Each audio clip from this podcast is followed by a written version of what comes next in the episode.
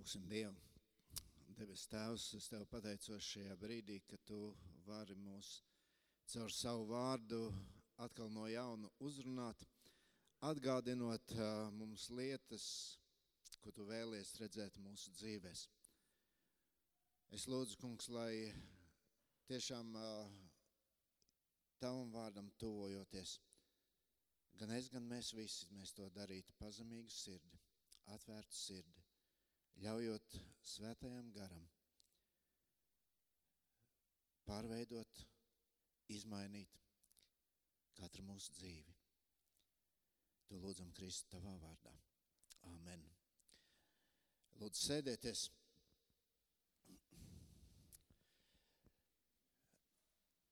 Šodien mūsu pārdomās mēs esam spiesti pārcelties divas nodaļas atpakaļ no tās, kur mēs esam tikuši Mateja evaņģēlijā, jo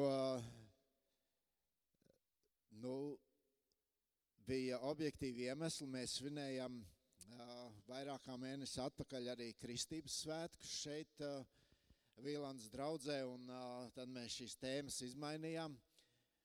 Un tā tēma, par ko mēs šodien runāsim, liek mums atgriezties Mateja evaņģēlijās 17. nodaļā. Un jūs varat paņemt bībeles, kas ir jūsu priekšā, varat droši izmantot arī mobīlos telefonus un sekot līdzi rakstu vietām, ko izmantosim šajās, šajā svētrunā. Un Mateja evaņģēlijas 17. nodaļa noslēdzas ar šādiem vārdiem. Mēs lasām no 24.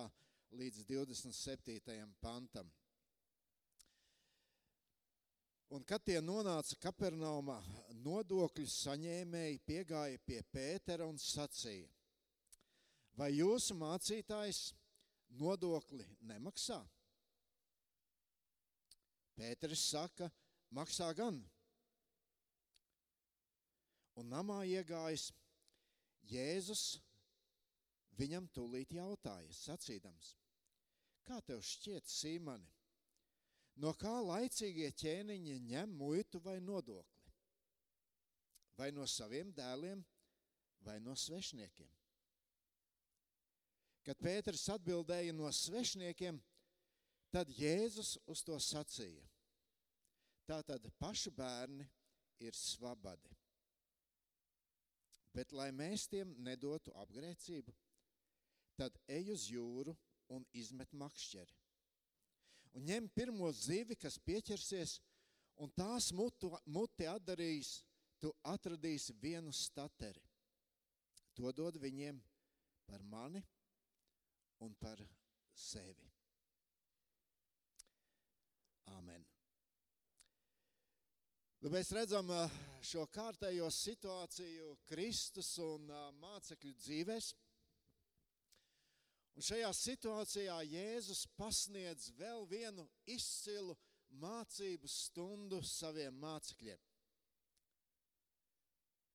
Un ziniet, kad mēs domājam katrs par savu dzīvi, tad, ja mēs gribēsim būt patiesi, tad mēs secināsim, ka mūsu rīcību daudzās dzīves situācijās nevada tas, kam mēs ticam.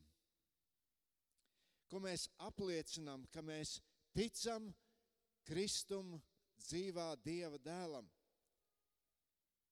Bet uh, mūsu rīcību uh, vada varbūt daudz dažādas citas lietas. Un kad mēs skatāmies uz šo tekstu, tad tur mēs ieraugām tieši šādu situāciju un mēs redzam, kā Jēzus šo situāciju risina.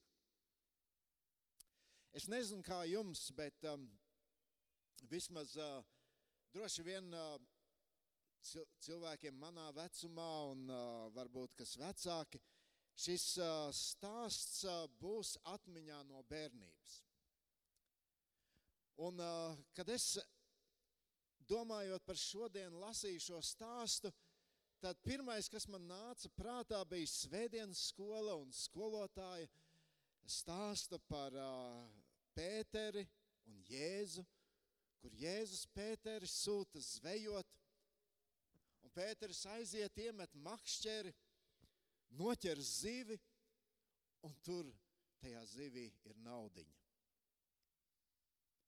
Tieši tik, cik vajadzīgs, lai par diviem samaksātu nodokli.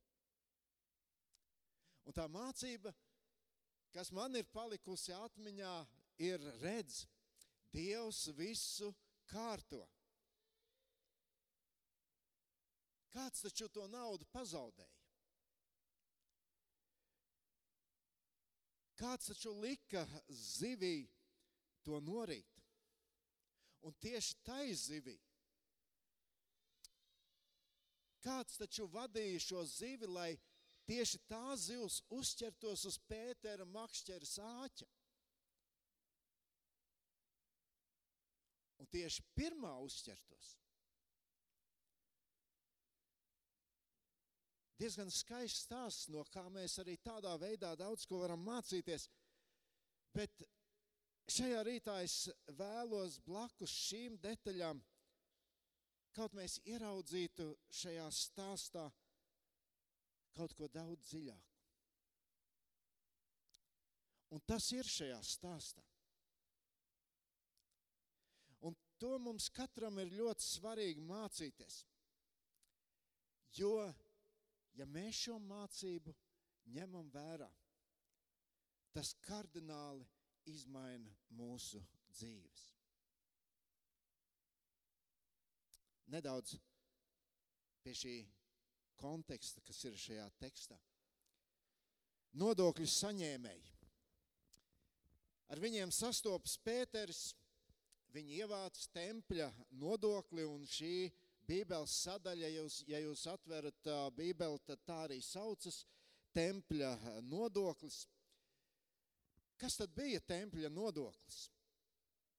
Mūzes likumos bez uh, desmitās tiesas, bez uh, dažādiem upuriem, ko cilvēki nesējot uz templi, tur bija vēl viens speciāls nodoklis. Mēs lasām otrā mūzes grāmatā, 30. nodaļā. Tur tas ir aprakstīts. Un tur ir teikts tā, es nelasīšu šo tekstu, bet tur ir teikts, ka katrs no 20 gadu vecuma ik viens cilvēks maksāja pušķeķeli. Tas ir apmēram uh, divu dienu darba alga. Maksāja šo tempļa nodokli. Tas bija ierakstīts Mūzes likumā, un katrs um, jūts ejot uz templi, to darīja. Viņš pildīja šos likumus. Tas bija īpašs nodoklis, lai templis varētu funkcionēt. Vajadzēja taču remontēt. Vajadzēja mm, kādus darbus darīt, lai šis templis varētu darboties. Šis nodoklis atšķīrās no tas, kam bija domāta desmitā tiesa. Desmitā tiesa bija domāta kalpošanas vajadzības sekšanai. Šis nodoklis tempļa uzturēšanai. Un tad, nu, kad šie nodokļu savācēji pienāk pie Pētera, tur rodas problēma. Jo šis jautājums, vai tavs mācītājs maksā nodokli,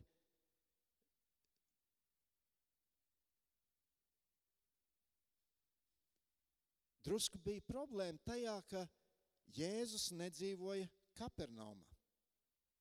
Viņš eh, nāca no Nāceretes, bet viņš daudz ceļoja un eh, nu, tas jautājums vienmēr bija, kur tad es savu nodokli samaksāju? Bet uh, Pēters bija pārliecināts, ka Jēzus jau to ir samaksājis, un viņš droši atbild, jā, viņš maksā savā templī. Protams, katra tempļa pārvaldnieks cerēja, nu, gan jau viņš samaksās manējam templim.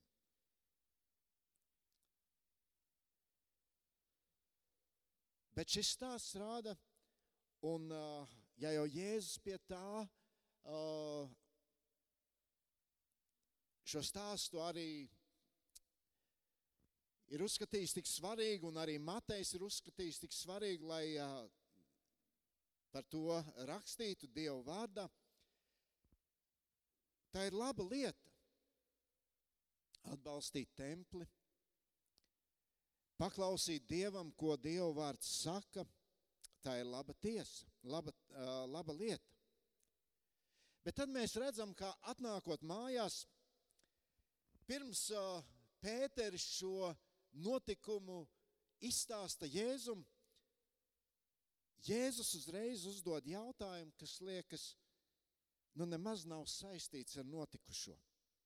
Mēs 25. pantā lasām, Jēzus jautā, kā tev šķiet, Sīmani, no kā laicīgie ķēniņi ņem muitu un nodokli?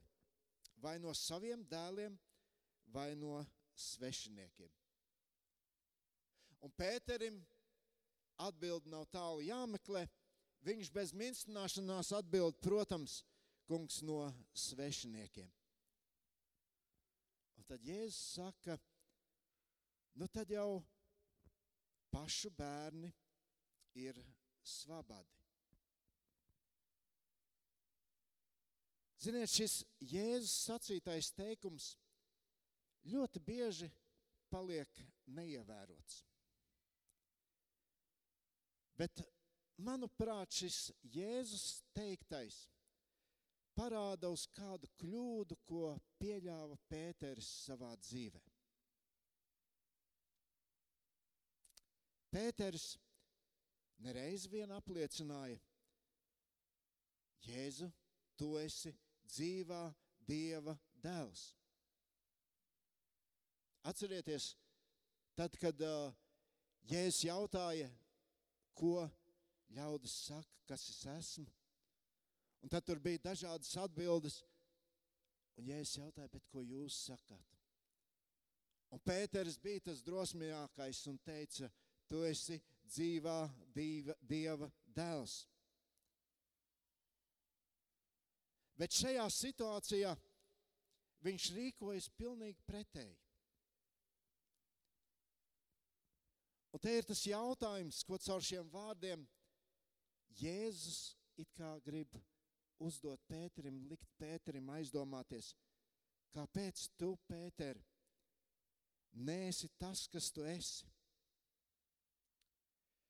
Kāpēc tu ikvienā situācijā nepaliec uzticīgs tam, ko tu esi apliecinājis? Ja tu tici Kristum kā savam kungam, tad ļauj šai ticībai vadīt savu dzīvi.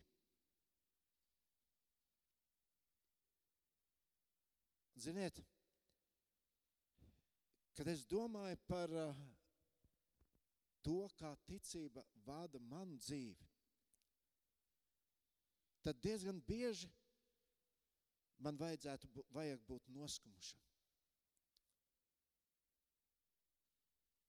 Man vajadzētu būt bēdīgam.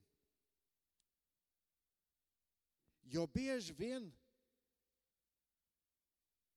mēs savā ikdienā, un es savā ikdienā,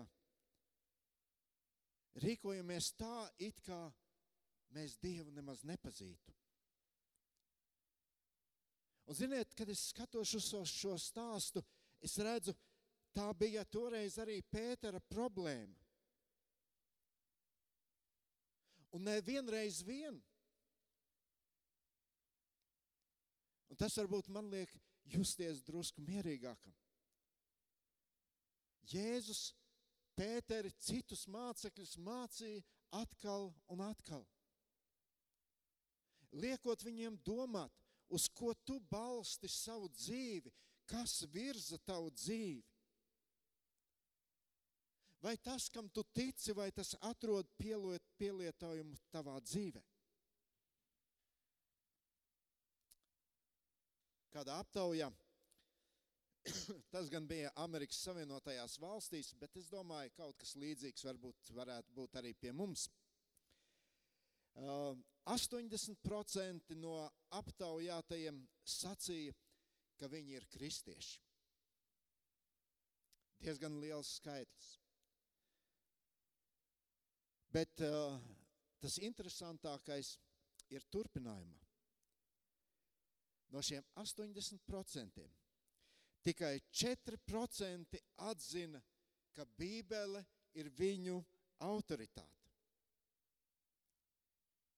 Tikai 4% no 80%, kurus sevi sauca par kristiešiem, sacīja, mēs savā dzīvē vadamies pēc tā, kas stāv rakstīts Bībelē. Tikai 4%. Un, mīļie, no tā mēs varam secināt, ka mūsu dzīvi var iespaidot tik daudzas lietas. Un nevis tas, ka es esmu kristietis. Mūsu dzīvi, to, ka uz kā mēs būvējam savu dzīvi, var iespaud, iespaidot tik daudzas citas lietas. Vai Dieva vārds iespaido tos lēmumus, ko dzīvē mēs pieņemam? Un kad mēs šodien par to domāsim, tad paskatieties uz savu dzīvi. Varbūt mēģini padomāt par to, kā tu pieņem lēmumus savā dzīvē. Bībele ļoti daudz par to runā. Jēzus ļoti daudz par to runā un brīdina. Mateja evaņģēlijā 7. nodaļā, 16. pantā viņš saka, no viņu augļiem jums tos būtu pazīt.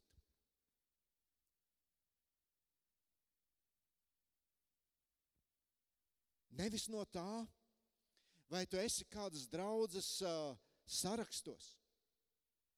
Nevis no tā, ka tu varbūt katru svētdienu apmeklē dievkalpojumus. Jēzus saka, no viņu augļiem jums tos būt, būs pazīt. Mateja evaņģēlijā turpat tālāk 7. nodaļas 21. pantā Jēzus saka, ne katrs, kas uz mani saka, kungs, kungs, ieies debesu valstībā. Bet tas, kas dara mana debesu tēva prātu. Tie, kuri dzīvo pēc tā, ko Dieva vārds māca. Tu vari katru teikumu galā pieminēt Dievu. Bet izšķirošais būs tas, uz ko tu balsti savu dzīvi. Jēkab vēstulē 2.14 mēs lasām, ko tas palīdz mani brāļi, ja kāds teica, ka viņam esot ticība, bet tam nav darbu. Vai šāda ticība var viņu izglābt? Ja tava ticība nemaina tavu dzīvi, tad tāda ticība tevi nevar izglābt. Un tad vienmēr paliek šis jautājums, kāpēc? Kāpēc tik daudz cilvēku, kuri apliecina, es esmu kristietis, es ticu Dievam? Kāpēc cilvēki nedzīvo šajā ticībā? Kāpēc tik daudz cilvēku, ticīgu cilvēku dzīve, kā viņi paši saka, nebalstās uz to, kam viņi tic, bet balstās pavisam uz kādām citām lietām? Tur var būt vairāk iemesli. Vispirms jau iemesls var būt tas, ka varbūt kādam nemaz šī ticība nav. Tu nevari dzīvot ticībā, ja tu reāli netici. Un tā var būt. Ja tava ticība nav šī glābjošā ticība, un glābjošā ticība nozīmē, ka mēs ticam, ka ir visu varens Dievs, visu spēcīgs Dievs, taisnīgs Dievs. Un tomēr viņš savā žēlastībā sūta savu dēlu Jēzu Kristu, kuram liek nomirt par maniem un taviem grēkiem.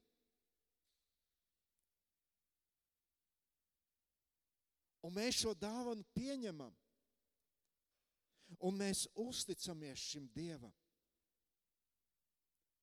Ja cilvēkam nav šādas ticības, viņš nekad nespēs dzīvot ticībā. Jēzus saka, Matei 15, 7, viņš saka, jūs liekuļi. Jesajai, Jesajai ir pareizi par jums pravietojis sacīdams, šī tauta godā mani ar savām lūpām, bet viņu sirdis ir tālu nost no manis. Jēkab 2.17. Ticība, ja tai nav darbu, tā pati par sevi ir nedzīva. Un Jēkabs šeit nerunā par vienkārši labiem darbiem, ko katrs cilvēks var paveikt, bet par darbiem, ko tu paklausi Dievam, kur tu paklausi Viņa vārdam, kur tu dari šīs lietas, uzticoties Viņam.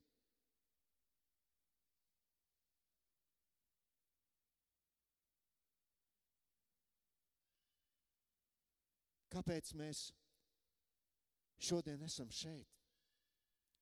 Varbūt esam atnākuši šeit, lai kādu satiktu. Varbūt esam atnākuši, lai paskatītos, kā tad šeit ir. Tie iemesli var būt daudz un dažādi. Varbūt es nācis, lai mācītos. Bet, zini, tu vari darīt daudzas lietas. Tu vari ziedot materiālos, materiālos līdzekļus. Un tas ir labi. Un Bībele mums arī par to māca. Bet kas tevi motivē to darīt? Vai tas, lai cilvēki nerunā, lūk, tas nedod? Vai tas ir tavs darbs ticībā? Kur tu zini, Dieva vārds to māca darīt. Un es daru to paklausībā Dievam. Ticības darbi ir vārdi, rīcība, ko tu dari apzinoties, to no manis sagaida Dievs, to no manis prasa Dievs. Un padomā par šiem lietām savā dzīvē. Es divus piemērus.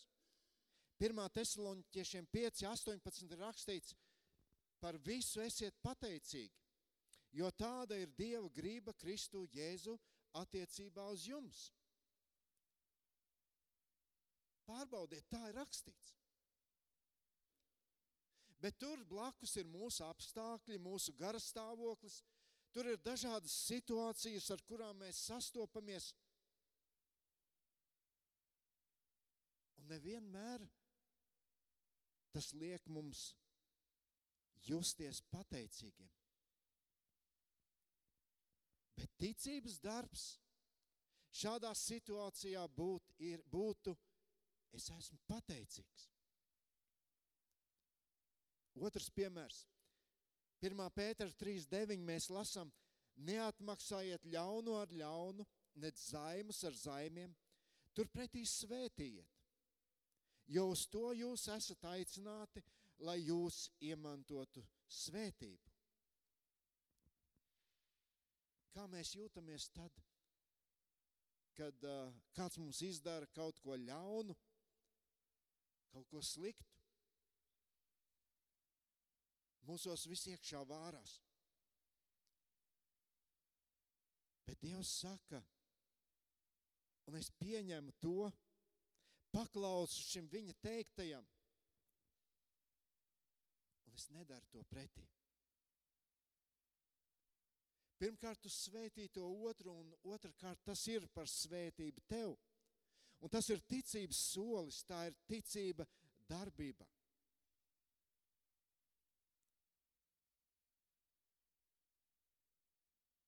Cik daudz mēs savā dzīvē rīkojamies, pieņemam lēmumus nevis tāpēc, ka visi to tā dara, bet daram to paklausot un pagodinot Dievu.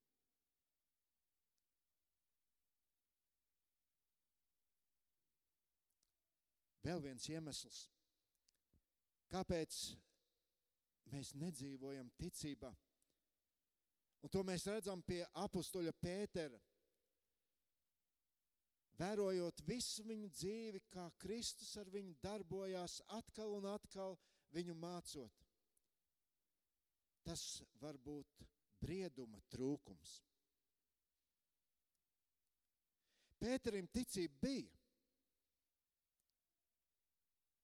Un viņš patiesi, es domāju, no sirds apliecināja šo ticību Kristum.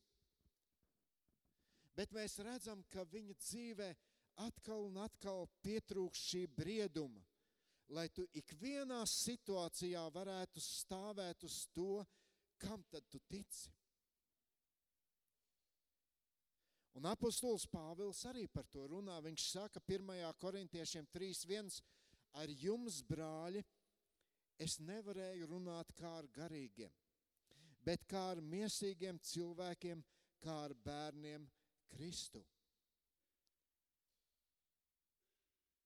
Pāvils uzrunā ticīgus cilvēkus, brāļi.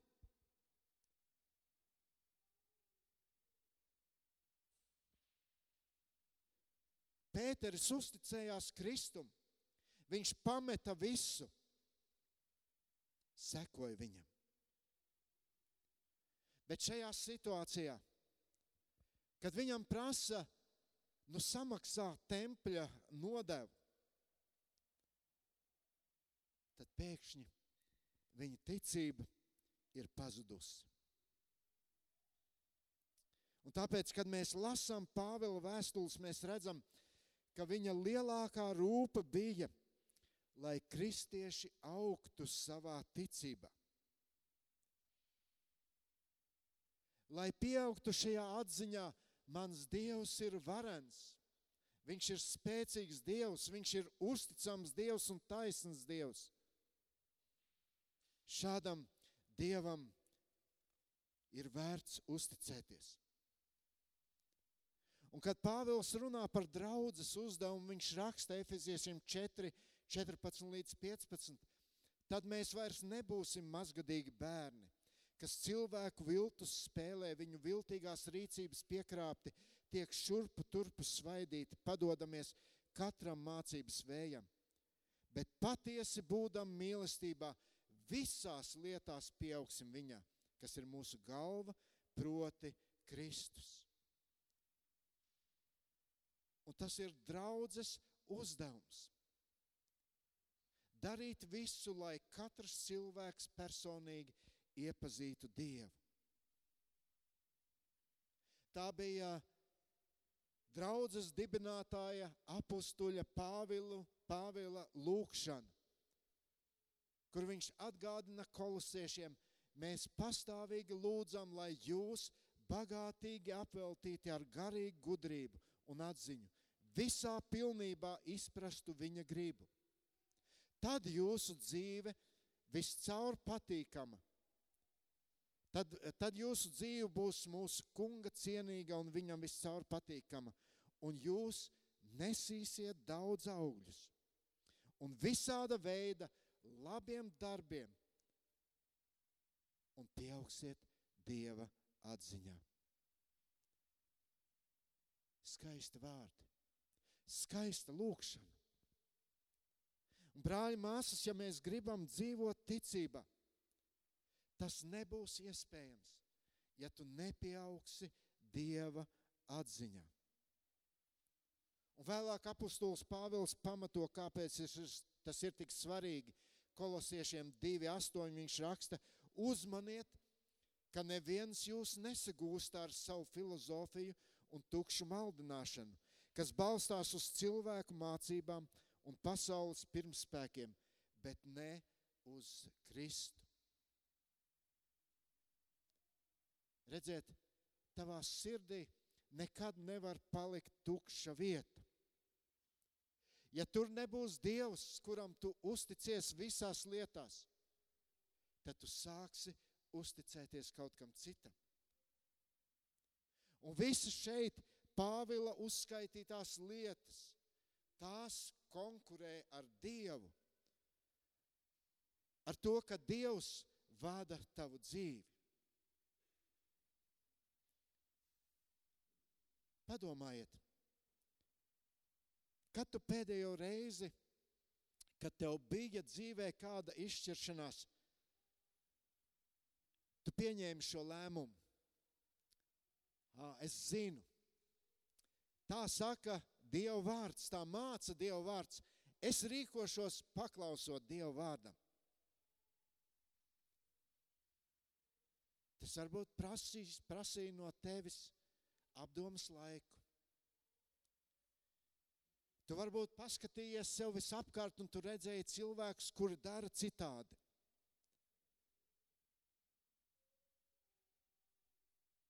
Bet, kad tu paklausīji, vai tā nebija īpaša svētība, ko tu varēji piedzīvot dzīvē? Man liekas, ļoti labs piemērs ir 1. Samuela grāmatā, 17. nodaļā. Tur ir šis stāsts, kur filistieši uzbrūk Izrēlam, un tur ir divi cilvēki. Viens ļoti pieredzējis un varētu domāt, nu, nobriedis cilvēks. Dievs viņu bija svaidījis par ķēniņu, tas bija ķēniņš sauls. Un tur blakus ir kāds jauns, jauneklis, nepieredzējis Dāvids. Un tur ir vēl trešais, tur ir šis milzis, filistiešu milzis Goliāts, Viņš izaicina izrēliešus un, un saka, izraugiet sev vienu vīru, tas lai nāk un cīnās ar mani. Un tad šī cīņa noteiks, kurš uzvarēs šajā kaujā. Un tad viss ir panikā. Neviens nezināja, ko darīt. Šie bruņotie karavīri. Ķēniņš saprot, man ir jāpieņem lēmums, bet es esmu tik apjuts. Un tad atnāk Dāvids. Savs saka, nu nē, nav jēgas. Ko tu, puika, vari izdarīt šim milzim? Viņš it kā ir novērtējis situāciju. pamatojoties uz to, kam viņš tic. Goliāts ir stiprāks par Dāvidu, tur nebūs nekādu izredzu. Un, ziniet, cilvēcīgi skatoties, viņam ir pilnīga taisnība. Bet Dāvidam bija cits skatījums. Un ziniet, kāpēc viņam bija cits skatījums? Tāpēc, ka viņam bija pieredze.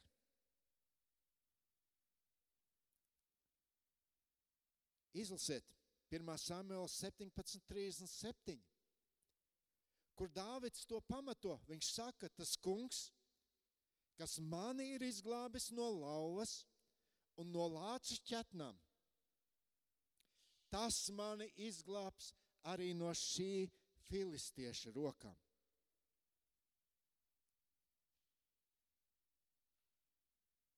Un, mīļie, Dievs bieži saka, pārbaudiet mani. Pamēģiniet uzticēties man. Pamēģiniet rīkoties tā, kā viņš saka savā vārdā. Pamēģini kaut vismazākajā lietā to izdarīt. Tā tu krāsi savu pieredzi. Tā tu krāsi savu pieredzi, ko nozīmē dzīvot ticībā. Pamēģini to ar savām finansēm. Pamēģini to savās attiecībās ar draugiem. Pamēģini to ģimenē. Lieto to, ko Dieva vārds saka.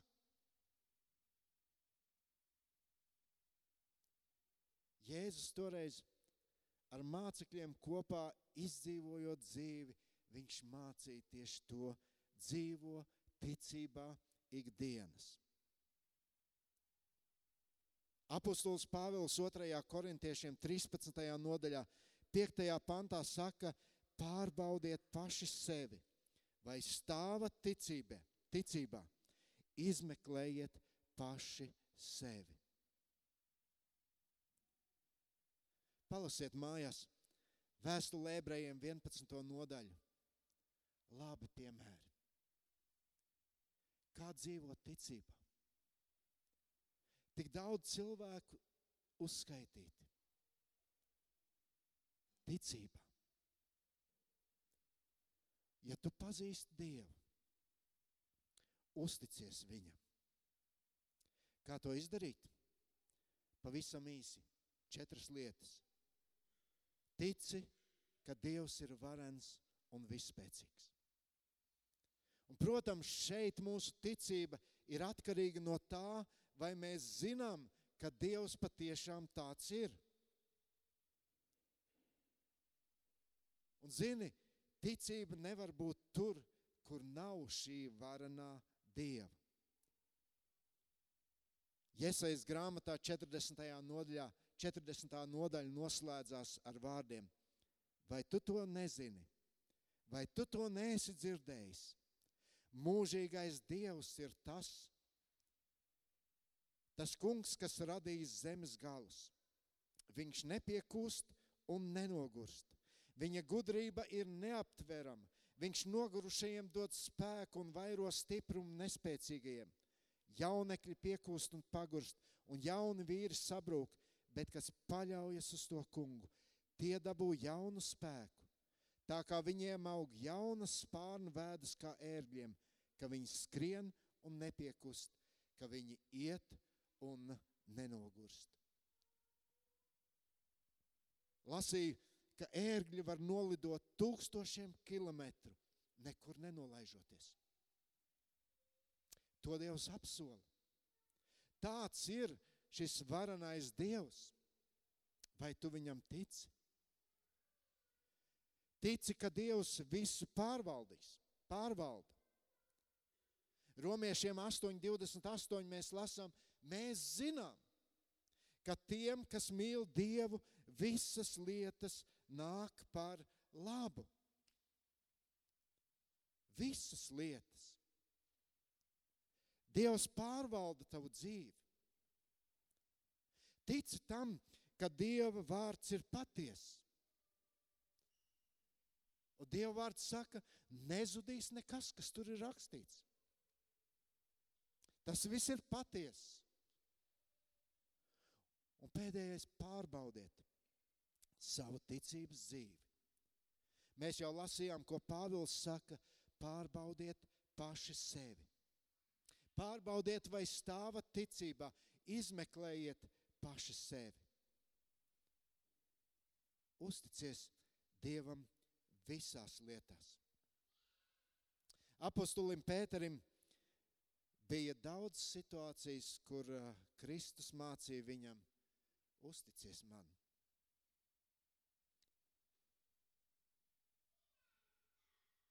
Tik daudz kļūdu viņš pieļāva.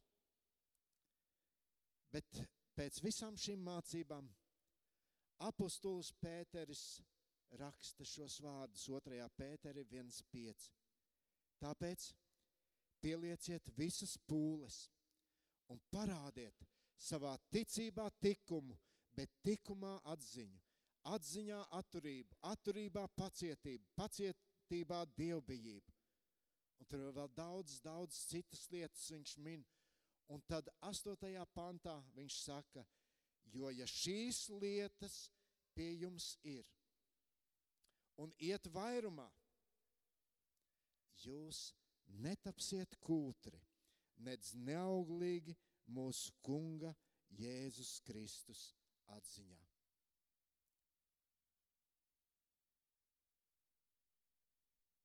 Brīnišķīgs apgalvojums. Bet ziniet, kad es skatos uz savu dzīvi, es nebeidzu būt pārsteigts, cik Dievs ir pacietīgs pret mani. Tik daudz es pasaku iepriekš nepiedomājot. Tik daudz, ko es izdaru savā dzīvē pēc sava prāta. Bet ziniet, līdzīgi kā Pēterim, Kristus tik bieži manas kļūdas palīdz izlabot. Un toreiz Pēterim viņš teica, Pēter, lai mēs tiem nedotu apgrēcību, ej uz jūru un izmet makšķeri un ņem pirmo zīvi, kas pieķersies, un tās muti atdarīs, tu atradīsi vienu stateri. To dod viņiem par mani un sevi. Mīļie draugi, Jēzus turpina maksāt. Viņš maksā par manām un tavām kļūdām. Un tas mani pārsteidz ikdienas. Un varu tikai lūgt, kungs, palīdz man, lai ticība būtu tā, kas virza manu dzīvi. Lai tā ir arī katra jūsu lūkšana. Lūksim. Devis Tēvs, paldies, ka Tavs vārds mums atklāja šīs patiesības. Paldies, ka Tu mums arī šajā dienā liec mums katram ielūkoties sevi. Jā, Dievs, mums tik ļoti gribas, lai mūsu ticība būtu tā, kas izmaina mūsu dzīves. Lai mūsu dzīves tiešām spētu apliecināt Tavu varenību, Tavu spēku, tavu gudrību. Lai mūsu dzīves spētu patiesi parādīt, kas mēs esam, kam mēs ticam, uz ko mēs paļaujamies, uz ko mēs balstam savu dzīvi. Kungs, es lūdzu, palīdz man, lai pārbaudot sevi ikdienas es ļautu tev mainīt manu raksturu, mainīt manas domas, mainīt manu izturēšanos, mainīt manu rīcību.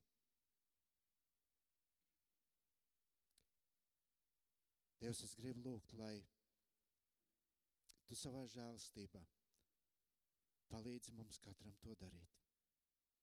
Vispirms man, un tad ikvienam, manam brālim, māsam, māsai.